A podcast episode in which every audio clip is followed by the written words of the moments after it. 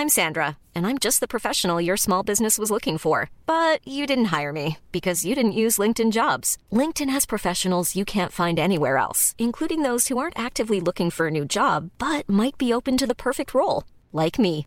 In a given month, over 70% of LinkedIn users don't visit other leading job sites. So if you're not looking on LinkedIn, you'll miss out on great candidates like Sandra. Start hiring professionals like a professional. Post your free job on linkedin.com/people today. Since 2013, Bombas has donated over 100 million socks, underwear, and t-shirts to those facing homelessness. If we counted those on air, this ad would last over 1,157 days. But if we counted the time it takes to make a donation possible, it would take just a few clicks. Because every time you make a purchase, Bombas donates an item to someone who needs it. Go to bombas.com slash ACAST and use code ACAST for 20% off your first purchase. That's bombas.com slash ACAST, code ACAST. Mother's Day is around the corner. Find the perfect gift for the mom in your life with a stunning piece of jewelry from Blue Nile. From timeless pearls to dazzling gemstones, Blue Nile has something she'll adore. Need it fast? Most items can ship overnight. Plus, enjoy guaranteed free shipping and returns. Don't miss our special Mother's Day deals. Save big on the season's most beautiful trends. For a limited time, get up to 50% off by going to BlueNile.com. That's BlueNile.com. Det er tante Ovidia. Ja. Og det er bestemor. Jeg er hos mamma og pappa og ser på et foto fra 1928 i en bok om Askim gummivarefabrikk, skrevet av Kari Middelton. I år er det 100 år siden fabrikken blei etablert, midt i Askim. Mamma gjenkjenner to slektninger på fotoet. Og bakerst i boka står onkelen hennes oppført blant de få som jobba på fabrikken i over 50 år. Faren hennes jobba også der. Faren min var innom i noen år, og det samme var moren hans, min bestemor. Kari Middleton har skrevet bok og musikal om hjørnesteinsbedriften. I denne episoden av Hjemflyttepodden forteller hun om fabrikkens oppgang og nedgang, og hennes egen livsreise, fra Oslo til Askim, via Danmark og Skiptvet, og som nå har tatt en helt ny vending. Ukas innringer er forfatter og kurator Bjørn Hatterud. Jo, men det interessante med Askim er at, eh, som jeg liker med Askim, er jo at det er jo byarkitektur der. Altså det er Plutselig så er det bygårder, og du har den store parken. Sånn at du har liksom en sånn følelse av at her var det byambisjoner en eller annen gang. ikke sant? Så Askim er en merkelig sånn hybridgreie, der det plutselig står litt av by eh, midt ute på et jorde. Det syns jeg er kult.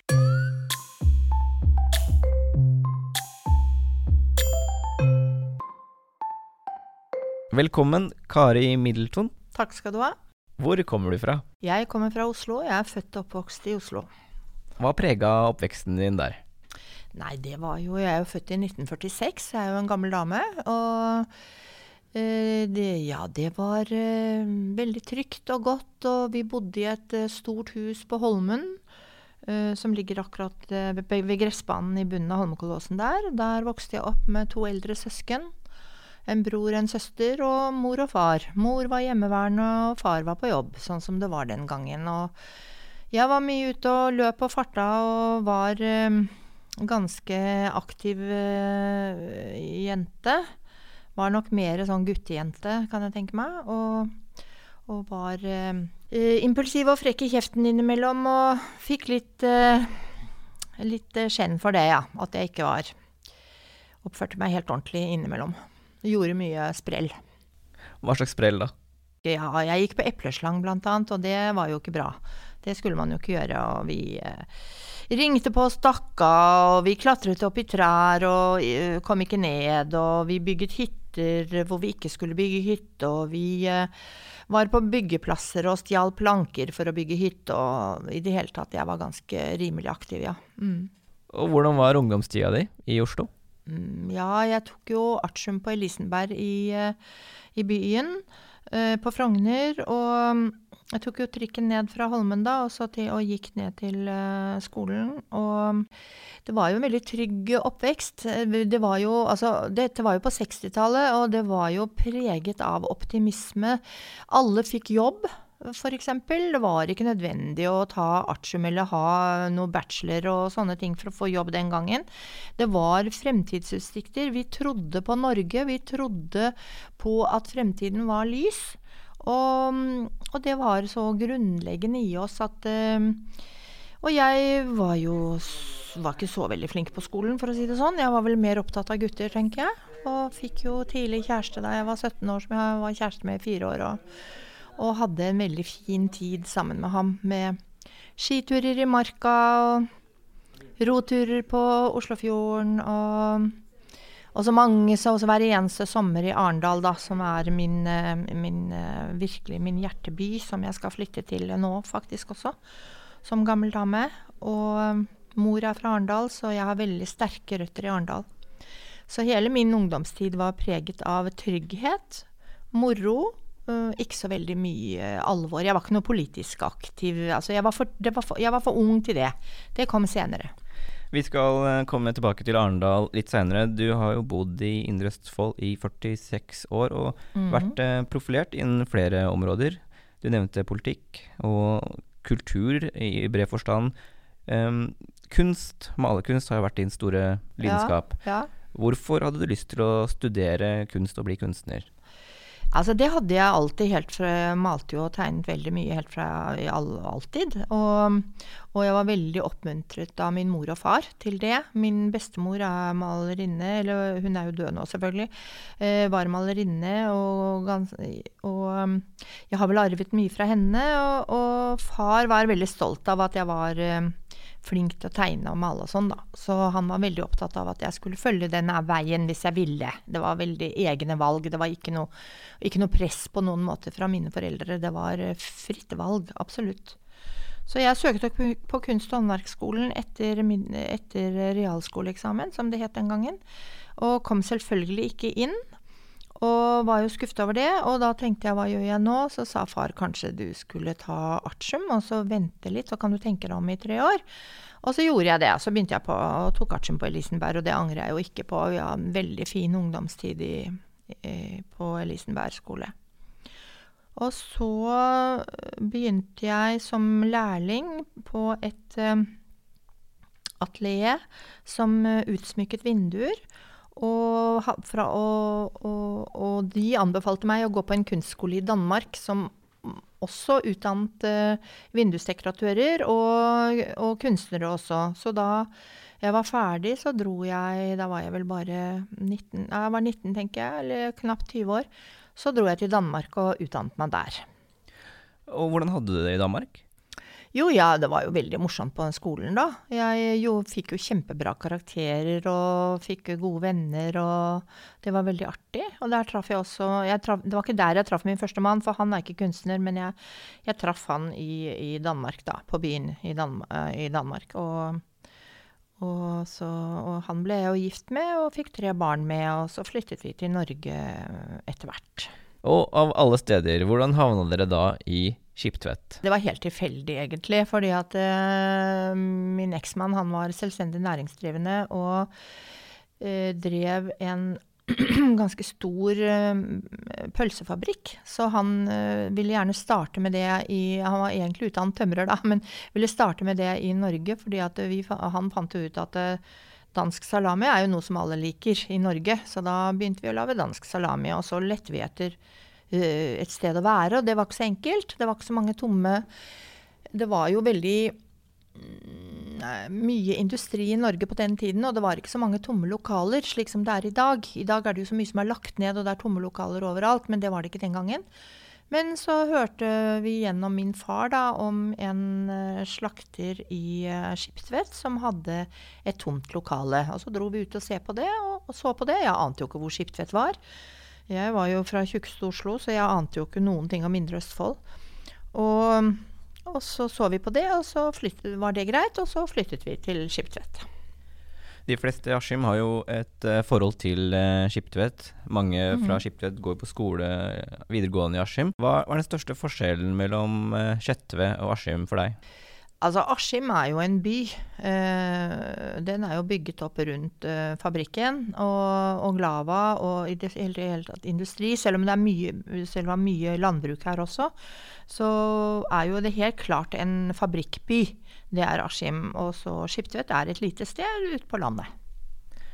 Ja, og Skjetve er jo nå en egen kommune. Det er Mhm. ikke en del av Indre Østfold kommune, sammen med Askim og de, de vil jo ikke være med på det. Nei. Nei. ehm, hva, hva tenker du om det nye kommunenavnet?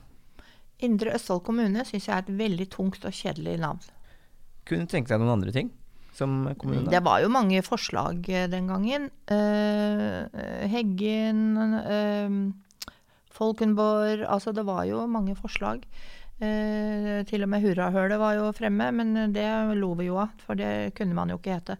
Men uh, Ja, det er litt humor. Ja, det er litt humor, ikke sant. Det er litt morsomt. Men eh, nei, jeg jeg vil synes eh, Fossum kommune, for eksempel. Eh, ja, hva som helst. Indre Østfold kommune er tungt, og men det blir jo innarbeidet som et begrep. Altså Etter hvert så blir det jo Indre Østfold kommune. Det går jo helt fint, det. Hva som helst, sier du, men eh, hva som helst bortsett fra smålendene? Smålendene var, eh, var jo også fremme, Smålendene kommune. Og, og det er helt håpløst, fordi jeg har jo jobbet som journalist i Smålenenes avis i, i eh, hvor lenge? 28 år. Og, og det å skulle eh, beskrive for folk eh, hvor man jobber hen, eh, smålenene, altså var veldig tungt. Og eh, hvis jeg f.eks. ringte til noen da, og, og sa kan du be han ringe tilbake til Kari Middleton, god dag, det er fra Smålenenes avis. Eh, Jaha, hvilken avis sa du? Eh, Smålenenes avis. Var det Smålensavisen du sa? Nei, jeg sa Smålenenes avis. Ja vel, eh, er det i Sverige? Nei, det er ikke fra Småland, det er Smålenenes avis i, i, i Indre Østfold. Ja vel, hvordan skriver du det? Det skriver du sma, S-M-A-A-le-ne-ne. Jaha, sma med to a-er? Ja. Altså, dette kunne jeg få lange tider å gå med, og jeg syns synd på de offentlig ansatte i vår kommune som eh, skulle gjennom dette her mange ganger om dagen ved å skulle si Smålenenes kommune, eller Smålenene kommune. Så jeg var veldig glad for at det ikke ble det, i hvert fall, for det hadde vært helt håpløst. Vi sitter jo nå rett under lokalavisa Smålenenes avis. Ja. Og dette her er jo et gammelt fabrikkbygg som tilhører da Askim gummivarefabrikk, eh, som seinere gikk over til å hete Viking Askim. Ja. Ehm, det er et seksetasjes bygg, og jeg hadde jo et uh, program i, i lokalradioen i Indre Østfold i dette bygget for ca. 20 år siden. Men du har jo også holdt på her veldig lenge, ikke bare i avisa, men uh, også drevet Askim kunstnersenter. Ja, jeg har drevet Askim kunstnersenter siden 2002. Og, og mitt, uh, mitt ønske den gangen jeg startet det, var jo at jeg skulle ha utdannede kunstnere som leide atelier. Eh, det var ikke så mange utdannede kunstnere eh, her, men det var veldig mange veldig dyktige amatører. Eh, og så autodidakte kunstnere, mange av dem som er kjempedyktige. Og, så jeg har jo hele tiden leid ut atelierplasser til eh, dem. Og, så vi, nå er vi 13 mm, stykker, 13 personer, som øh, jobber i Askim kunstnersenter. Alle øh, jobber med maleri i dag. Maleri og tegning og sånn. Men jeg har også hatt øh, folk som har leid atelier for å skrive en bok, og jeg har hatt øh, keramikere, og jeg har hatt øh, ja, litt forskjellig. Og en som sydde til og med, men det ble litt vanskelig, for det, det ble for mye støv der oppe. Eh, så så det, det går sin gang, og det er veldig morsomt. Og det er et veldig fint og levende og hyggelig miljø. Ved siden av å ha jobba lenge i lokalavisa, drevet eh, kunstnersenter, vært eh, maler og engasjert i lokalpolitikken her, Mm. eh, så har du også skrevet bedriftshistorien til Askim gummivarefabrikk. Ja. Samla i boka 'Svidd gummi', som kom ut i 1992. Eh, Askim gummivarefabrikk eh, var jo da hjørnesteinsbedriften her, og Indre Østfolds eh, aller viktigste arbeidsplass. Eh, Mm. Ble starta i 1920 og Mhm. ble nedlagt i 1991. Ja. Hvordan starta arbeidet ditt med den boka? Det startet Altså, jeg fulgte jo selvfølgelig i mange år som journalist Viking Askim fra sidelinjen. Og på midten av 80-tallet, 5-86, så begynte det å ulme ganske mye rykter om at det ikke gikk så bra med bedriften. Og vi skrev jo mye om det. Vi har jo vært på bedriften og intervjuet folk og, og, og skrevet saker fra bedriften som journalist. Og da det ble lagt ned eh, 27.11. klokken 10.45 i 19... Eh, da ble det siste dekket bygget på Viking eh, her i Askim. Og da gikk det opp for meg at det, det var faktisk ikke skrevet så mye om denne bedriften. Det var skrevet noen uh, jubileumshefter da de var 50, 25 og 50 år gamle, men det var sånne tynne hefter. Og Eh, så henvendte jeg meg til uh, historielaget og spurte hva det fantes, og så sa de å, det er massevis av dokumentasjon her, og massevis av bilder, og vi har støvler, og vi har uh, sko, og vi har masse fra Viking. Og så uh, spurte jeg om å få se på alle disse bildene, og da kom det Så fikk jeg en kontorplass på nedlagte fabrikken, hvor jeg skulle tenkte at jeg at jeg først skulle skrive Altså, jeg hadde egentlig Opprinnelig så hadde jeg tenkt å lage en, en um, bildebok, en stor bildebok, uh, hvor jeg skulle ha masse av disse bildene som en minnebok, nærmest, uh, om bedriften. Uh, og så begynte jeg å skrive bildetekster til disse bildene, og, ble, og da skjønte jeg jo at jeg måtte jo intervjue en del av disse gamle vikingene som fortsatt levde den gangen i, en, i 91 uh, om livet på fabrikken og, og, om disse bildene, og hvem de var osv. Og da snakket jeg med så mange interessante og hyggelige og morsomme mennesker som fortalte så mange historier. Og så mye om livet på bedriften og, og, og, hvordan det var å jobbe der. Det var jo en beinhard bedrift, ikke sant.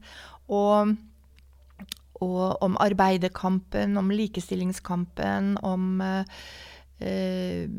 de fleste store uh, generalstreikene i Norge de startet jo veldig ofte på Viking. Viking var en toneangivende uh, bedrift i Norge uh, innenfor arbeiderrett og arbeiderkamp bl.a. Og rettigheter i arbeidslivet, ikke minst. Og det er jo takket være Viking at vi har disse rettighetene vi har i norsk arbeidsliv i dag. Hadde ikke de gått foran disse menneskene og kjempet for dette, så hadde vi ikke hatt en, dette store rettsvernet som vi har innenfor norsk arbeidsrett. Um, og så var jo dette veldig morsomt å høre om, da. Og så begynte jeg å skrive bildetekster, men disse bildetekstene ble jo altfor lange. Og før jeg visste ordet av det, så var jeg faktisk i gang med å skrive en bok. Og i det første fagforeningsstyret så var vel tre av sju medlemmer kvinner.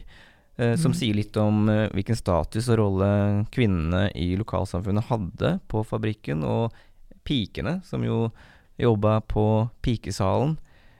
Vil du si noe mer om hva slags uh, rolle kvinnene hadde ja, i Askim og fabrikken? Ja, altså det er jo Jeg har jo skrevet veldig mye om kvinnene på Viking. og disse jentene som jobbet på, eller kvinnene da, som jobbet på Piksalen, de var aldri bra nok i Askim-samfunnet. Det var et veldig stort klasseskille i, på fabrikken. Altså det var jo et veldig stort klasseskille den gangen i det hele tatt. Og spesielt etter at fabrikken vokste opp og ble så stor, og det ble direktører og mellomledere og mellomledere og lengenledere og altså alle, alle disse, dette hierarkiet som finnes på en stor fabrikk, helt ned til de som jobbet på gulvet. Det er klart at um, det ble en veldig stor uh, forskjell mellom folk. Og Eh, disse jentene som ble kalt, de ble aldri kalt annet enn fabrikktøsene. Det luktet svidd gummi av dem, det luktet gummi av håret deres bestandig. Uansett hvor mye de vasket det, så fikk de aldri den gummilukta bort. Og når de var på dans i parken, så var det helt umulig å skjule at de var fra Viking, ja. For det luktet jo lang vei av dem. Men det, næringslivet vil gjerne ha pengene deres. og og de startet, og han, da Røvde startet i 1920, så startet han med, med 100 svenske kvinner fra svenske Gislaved, som han fikk over her fra Sverige, for å hjelpe, altså for, for å få de norske kvinnene her i gang. Og de kom jo da til fabrikken. De leste i avisen at her var det jobb å få, men det var jo et hurlumhei uten like mm, blant den mannlige delen av befolkningen. Og herredsstyret i Askim de toet sine hender og lurte på om de skulle nekte fabrikken oppført, fordi at han eh, bedriftseier, eh, Peter Mathias Røvde, som var jo en av de store gründerne og bedriftsreisere i Norge den gangen, han søkte etter kvinner. Og at kvinner skulle jobbe på en fabrikk, det gikk ikke an. De skulle være hjemme og passe barna og lage maten, og ikke minst passe på sin mann. Eh, men de Satte fra seg melkespann og møkkagreip og dro fra husposter, sikre husposter. De fikk fem kroner i, time, eh, fem kroner i uka, en god huspost. Men Røvde han lokket med mer, så de kom og banket på porten, og det strømmet til kvinner, og de fikk eh, og hvorfor Røvde gjorde det? Jo, selvfølgelig, han var jo en smart forretningsmann. For det første så visste han at eh, jenter er veldig fingernemme og nøyaktige og flinke til håndarbeid. Og det skal masse små deler som skal limes sammen når man skal lage kalosjer. Og så var kvinner billig arbeidskraft. Det var jo den store kampen i alle år, og er jo fortsatt fremdeles. At uh, det skal være likt lønn for likt arbeid. Men uh, jentene og kvinnene på bedriften de fikk omtrent halvparten av det menn fikk. Jeg har lyst til at du leser litt eh, fra boka di 'Svidd gummi'. Jeg, jeg har den med. Eh, jeg tenker på partiet som heter 'Viking i alle hjem'. Så får vi et innblikk i hva slags eh, produkter som blei eh, lagd her. Vær så god. Far hadde Viking gummistøvler til fisketuren og Viking kalosjer til å ta utenpå penskoene. Mor hadde vikingkalosjer som passet til hennes høye damehæler, og Viking gummistøvler når hun plukket tyttebær. Lille Per hadde vikingstøvler til sølepyttene og blå lerretssko fra Askim gummivarefabrikk med hvit kant, hvite lisser og hvite gummisåler når han sparket fotball eller kastet på stikka.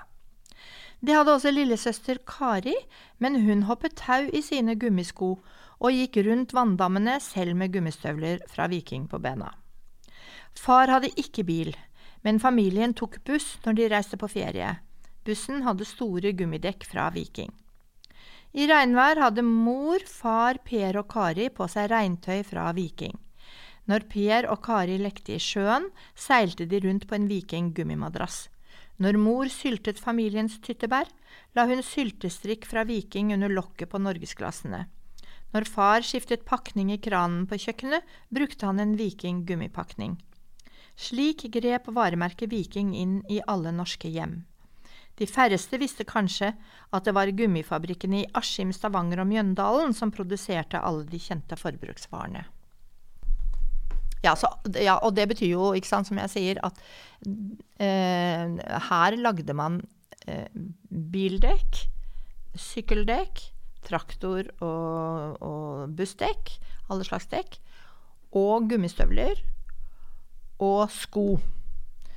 Det var det som ble laget her på fabrikken. Et og kalosjer, selvfølgelig. Men så kan man jo si at Askim eh, gummivarefabrikk punkterte i 1991. Kan ikke du beskrive litt hvordan stemninga var i byen da? Eh, det var jo Ja, hva skal jeg si, ja. Det var jo folkeopprør, og det var jo det var jo på førsteside i alle landets aviser i, lenge før det var slutt, fordi det, det, var jo en helt år med kamp for å bevare Viking. Eh, hvem skal eie oss? Hvem vil kjøpe oss? Eh, for, for et par år før så hadde jo Viking her i Askim blitt slå, slå, slått sammen med Gislaved i, Sverige til Nivis.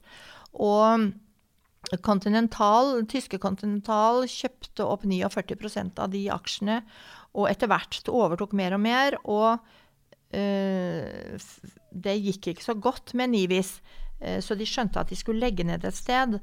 Og de ofret altså Askim til fordel for Gislaved, selv om Aschim, Viking Askim gikk med overskudd hvert år. Det var de som var lille melkekua her i Askim.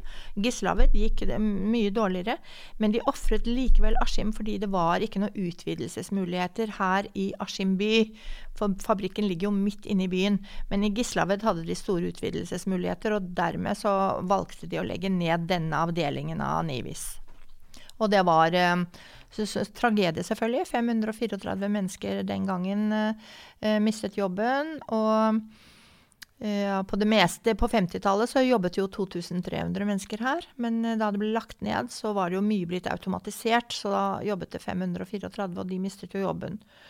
Uh, og staten uh, ved Stortinget gikk jo inn Næringsminister Ole Knapp han gikk jo inn med 75 millioner kroner til omstilling her. Uh, til lønninger og sånn over et år, og til omstillinger med, med å utvikle andre ting i kjølvannet. Og man prøvde jo forskjellige ting innenfor gummi, annet. Det var flere som startet her i bygningene. Men det gikk ikke, og nå er jo alt nedlagt. Og eh, nå er det jo bare butikker og kontorer og bedrifter her. Og sånn som dette rommet vi nå sitter i og, og ja. spiller inn i. Og her skal det jo bli leiligheter om litt. Viking Panorama skal det hete. Ja, ja. Du, Kari, du har jo skrevet denne veldig fine bedriftshistorien, og som er fint uh, illustrert med både foto og uh, strektegninger. Det er ikke du som har tegna de? Nei, det er det ikke. Hvor kommer de, de fra? De tegningene de kommer fra bedriftsbladet PM, som altså heter Peter Mathias Røvde, heter, heter jo eieren. Og eh, i, på 50-tallet, så i over ti år, så hadde de et bedriftsblad på Viking. Og eh, som da fortalte stort og smått fra bedriftene, de tre gummivarefabrikkene. Og der var det tegnere som hadde tegnet inn en del av disse morsomme tegningene, så de har jeg fått lov til å bruke i boka. Og så har du vært eh, involvert i en musikal som også heter Svidd gummi. Mm. Hvorfor er den viktig? Ja, det er jo så mange årsaker til at den er viktig, syns jeg, da. Altså, veldig mange byer i Norge i dag har jo historiske spel. Og øh, hvorfor skal ikke vi ha et historisk spel? Uh, vi som har en så stolt industrihistorie som hele Askim er tuftet på. Altså Uten Viking hadde jo ikke Askim vært det, den byen den er i dag. Og mm, konseptets grunntanke er jo at, uh, at, den hjørne, at denne viktige hjørnesteinsbedriften, som jo egentlig handler om the rising and fall av norsk industri Altså dette er en kjent historie. Uh, oppbyggingen, nedleggelsen som det har vært i Norge. Uh, det er en kjent historie som vi viser i Svidgum industrihistorien. Og den kan like gjerne settes opp i Skien, der Union er nedlagt, eller Rjukan med Hydro som er borte, eller Oslo Akersmek og gruvedriften nord på aluminiumsindustrien på Vestlandet, for å nevne noen eksempler. Det er det samme som har skjedd. Industrien er faset ut i eh, Norge, dessverre. Altså, jeg håper jo at uh, nåtidens ungdom og nye generasjoner uh, vil få et innblikk i denne industrihistorien som ligger i Askim. Så man gir jo da røtter til folk. Hva var før? Da har man jo en rot. Og ved å gi røtter og tilhørighet, så håper jeg at unge askiminger vil bli stolt av byen sin og få en identitet som fører til at andre unge mennesker ønsker å bli i byen.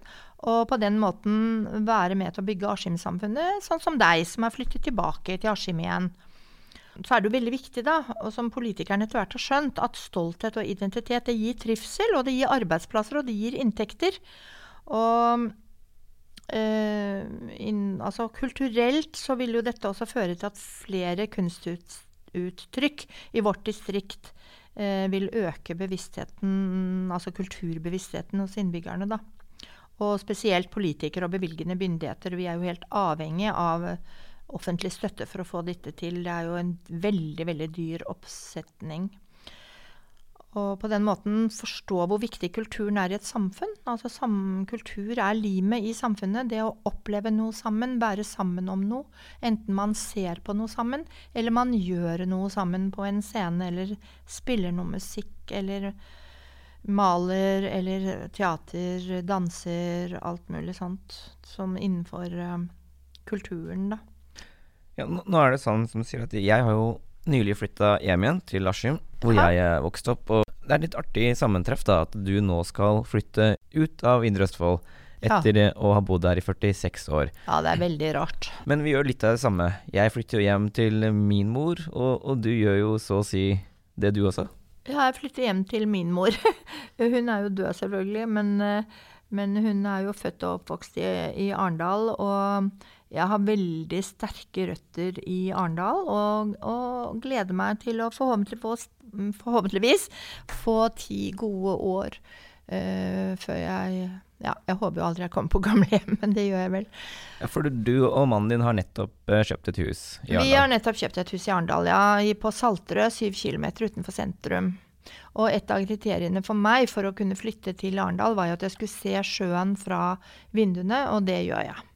Når bestemte du deg for å flytte til Arendal fra Askim, og, og hvilke tanker har du gjort deg underveis om den flyttinga? Jeg har i alle år ønsket å bo i Arendal, men det har ikke vært så lett uh, å flytte med barn og en tidligere mann som ikke kunne tenke seg å bo i Arendal, osv. Så, videre. uh, så da jeg og så kom koronaen, og så måtte liksom noe skje. Da begynte jeg å småkjede meg litt. Hva gjør jeg nå? Da måtte jeg finne, Det er typisk meg, jeg skal finne på et eller annet uh, sprøtt for å, få, uh, for å ha et prosjekt. Jeg må alltid ha noen prosjekter på gang. Det, uh, ja, det er ikke noe rart jeg blir sliten innimellom. Um, og da var det liksom et nytt prosjekt. Skal vi nå flytte til Arendal? Og Hans Georg, som jeg er gift med og veldig glad i, og han er jo veldig for at Som han har jo et et gammelt uh, ordtak som ikke han har funnet opp, men som han syns er veldig godt. Og det er uh, 'happy wife, happy life'. Så han uh, veldig sier ja, ja, vi flytter til Arendal. Jeg liker meg godt i Arendal, det er greit. Så begynte vi å dra rundt og se på hus. I begynnelsen så lekte jeg egentlig bare mest med tanken. Det var gøy å gå på visninger og se på hus og sånn. Men så etter hvert så manifesterte det seg mer og mer. Og så har jeg jo tre barn, da. Så jeg som bor Jeg har en sønn som bor på, i nærheten av Kongsberg, og så to barn på tomter og barnebarn og sånn. Så jeg syntes jeg måtte snakke med dem. Og så sa Hans Georg, vil du at barna dine skal bestemme hva du skal gjøre? Nei, sa jeg, de skal ikke bestemme noe som helst, men jeg vil gjerne høre hva de syns. Og de var veldig positive, alle sammen. Og min datter sa «Eh, mamma, dette har du ønsket i 40 år. Så lenge jeg kan huske, så har du snakket om å bo i Arendal. Og nå gjør du det. Og det skal du, for uh, nå er det siste sjanse for deg til å orke å få gjort dette her. Men du skal bare vite én ting, og det er at det blir noe innmari herk å besøke deg når du kommer på gamlehjemmet. Så det må jeg jo ta med. Når uh, arendalittene spør deg om hva slags sted Askim og Indre Østfold er, hva svarer du da? Eh, da svarer jeg at Askim er en liten by på litt over 15 000 mennesker i, midt i Indre Østfold. Jord, det er en eh, jordbrukskommune, men først og fremst også en, et industriarbeidersted. Uh, og jeg behøver egentlig ikke si så veldig mye, for jeg kan bare si at det er der fabrikken uh, Viking Askim ligger. Å ja! Oh, ja, der, ja! Hvor alle dekkene kommer fra.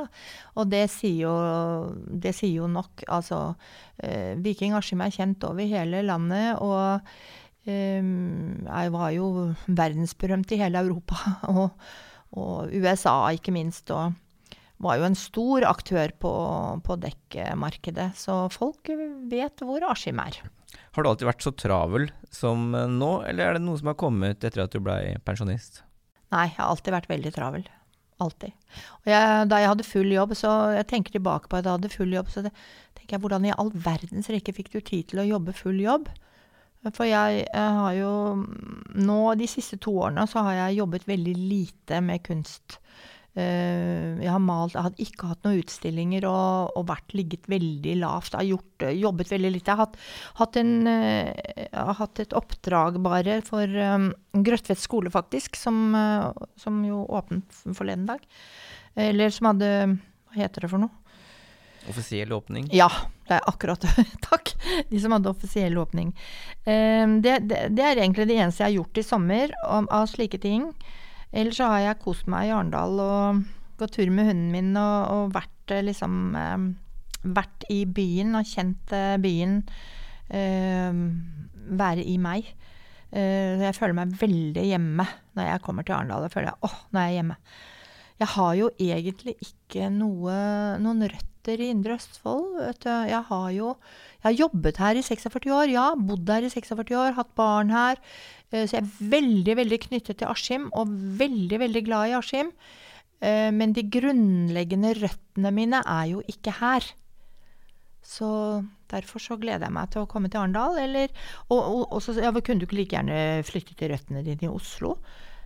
Nei, altså hvis jeg skulle tilbake til røttene mine i Oslo, så måtte jeg tilbake der hvor jeg bodde, og, og der koster villaene 20-25 millioner nå, så det det, er en, det er ikke mulig. Hvordan har området forandra seg der? Åh, oh, enormt. Altså, vi bodde jo i en hage på fire mål og hadde et stort, gammelt hus. Og nå ligger det store, gamle huset midt inni en eh, rad med, med rekkehus. Det er veldig trist å se på. Jeg syns ikke det er så veldig hyggelig å være der, egentlig.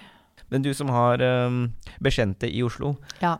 hva er en typisk misoppfatning de kan ha om Askim og Indre Østfold? ja, da jeg skulle flytte til Skiptvet, så var det veldig mange av mine venninner de visste jo ikke hvor Skiptvet var. Det visste jo ikke jeg heller. Eh, da var jeg jo 25 år, hvor gammel var jeg? 28 år eller noe sånt. Og, og da var det en av venninnene mine som sa Skiptvet, hvor er det? Eh, du kan ikke flytte dit. Hvem i all verden skal du snakke med der? Og da tenkte jeg Jeg sa ikke noe, for jeg var kanskje like dum. Men eh, jeg vet jo i dag at inspirerende, kloke, fine, oppegående, utdannede, flotte mennesker, de bor overalt i hele Norge. I alle små kommuner, store kommuner, alle steder. Eh, fordommene fins begge veier, alle steder. Eh, og det var klart at også eh, indre østfoldinger har fordommer mot oslofolk. Jeg hadde jo ikke bodd i Skiptvet mer enn et par år. da var det en eh, dame som stoppet meg i butikken, og så sa hun eh, du, hei Kari, sa hun. Du er jo egentlig ganske hyggelig du, enda du kommer fra Oslo. Eller Oslo, som hun sa da. Og da tenkte jeg himmelens navn, altså. Du har bodd her i over 40 år, og hva er det du har lært, hvis du skal, hvis du skal nevne én ting, hva er det du har lært av tida di i Indre Østfold? Ja, det viktigste jeg har lært, er nok at uh, uansett hvor du bor, så har du mulighet til å uh, utvikle deg og gjøre det du har lyst til. Det er ingenting i dag som hindrer deg å komme ut videre hvor som helst, eller være tilfreds med hvor du er. Eh, det er vi mennesker kanskje ikke så veldig flinke til. Eh, og der snakker jeg vel mest om meg selv, kanskje. At jeg tror hele tiden det skal skje noe for at jeg skal være lykkelig. Da har jeg bare ett spørsmål igjen. Hva er et godt sted å bo? Et godt sted å bo er der hvor du føler deg hjemme, og jeg tror, og jeg er av og til ganske misunnelig på mine venninner her i Askim, som er født, oppvokst, giftet seg her, blir her, lever her, eh, kjenner alle mennesker, blir gamle her, føler seg trygge når de kommer på Løkentunet, fordi de møter kjente mennesker også der. Det tror jeg er det aller beste man kan by mennesker, at de føler seg trygge og hjemmehørende, har identitet og røtter. Kari Middleton, tusen takk for praten, og lykke til med flyttinga til Arendal. Tusen takk. Jeg kommer tilbake til Askim ofte. Jeg skal jo sette opp musikalen, vet du, i 2022. Premiere 27. oktober. Det var det lille PR-stuntet. Så må folk huske å kjøpe billetter, for det er, det vi, det er det, derfor vi klarer å sette opp musikalen. Det er hvis folk kjøper billetter. Da ses vi i 2022 da, Kari. Det gjør vi.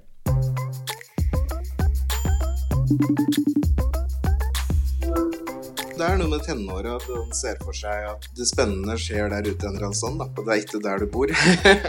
jeg heter Bjørn Hatterud. Jeg bor i Oslo, i Groruddalen, på Bjerke. Jeg arbeider som kurator i billedkunstfeltet. Og så er jeg blitt forfatter etter hvert. Senest nå med en bok som heter 'Mjøs og rundt med mor'. Det er et veldig interessant spørsmål, fordi at når folk spør meg det, så sier jeg ofte jeg kommer fra Groruddalen. Men opprinnelig så vokste jeg opp i ei bygd eh, nord for Brumunddal som heter Veldre, der det er jeg vet ikke, det er 1000 innbyggere spredd utover et ganske stort område. Og jeg vokste opp like ved det som da var et uh, bygdesentrum, der det var dagligvarebutikk og bensinstasjon og bibliotek og postkontor osv., men der det aller meste er nedlagt eller stengt. Jeg lærte veldig mye etter å ha vokst opp i Veldre. En ting som er viktig, er at jeg lærte følelsen til å være delt av noe større, uh, gjennom at uh, veldig mye av min slekt kommer fra det området der så er min slektshistorie til stede der. Bl.a. gjennom at det er veldig mye familiemedlemmer på kjerkegården. At det er mange bygninger rundt omkring der det er slektninger, eller der det har bodd slektninger tidligere. Og der det er mye historie flere ledd bakover som som på en måte har skjedd den plassen der jeg vokste opp. Det har lært meg mye om kulturelle og materielle klasseskiller, eh, og åssen det påvirker folk i det daglige. Så i tillegg så har jeg vel lært litt sånn der eh, forskjell på hva som er viktig og, mindre viktig å bry seg om. Jeg for min del bor i ei høyblokk, tolvetasjes blokk Eh, bygd i 1960, tegna av arkitekt Ola Sandvik, som eh, jo hadde utdannelsen sin fra Bauhaus i mellomkrigstida. En av to, tror jeg, norske arkitekter som ble utdanna der. Eh, modernistisk perle, spør du meg, men inntil for få år siden nok sett på som et litt sånn lavkulturelt og stakkarslig boområde i mange sauer, men som nå er i ferd med å bli gentrifisert ti år etter jeg flyttet inn her. Og jeg trives i høyblokk, og jeg ser jo at veldig mange er motstandere av at noen bygger høyblokk, men jeg trives i det. Andre vil jo helst ha en hage ikke sant, rundt huset sitt, eller de vil ha et hus å flikke på og fikse på og male og stelle på, noe som for meg framstår som en gåte. Men noen har jo det ønsket, så jeg tror et godt sted å bo er så, varierer så fra person til person at det viktige er at det legges til rette for et mangfold av bomuligheter, og at det mangfoldet er tilgjengelig for mange, uavhengig av uh, sosioøkonomisk bakgrunn.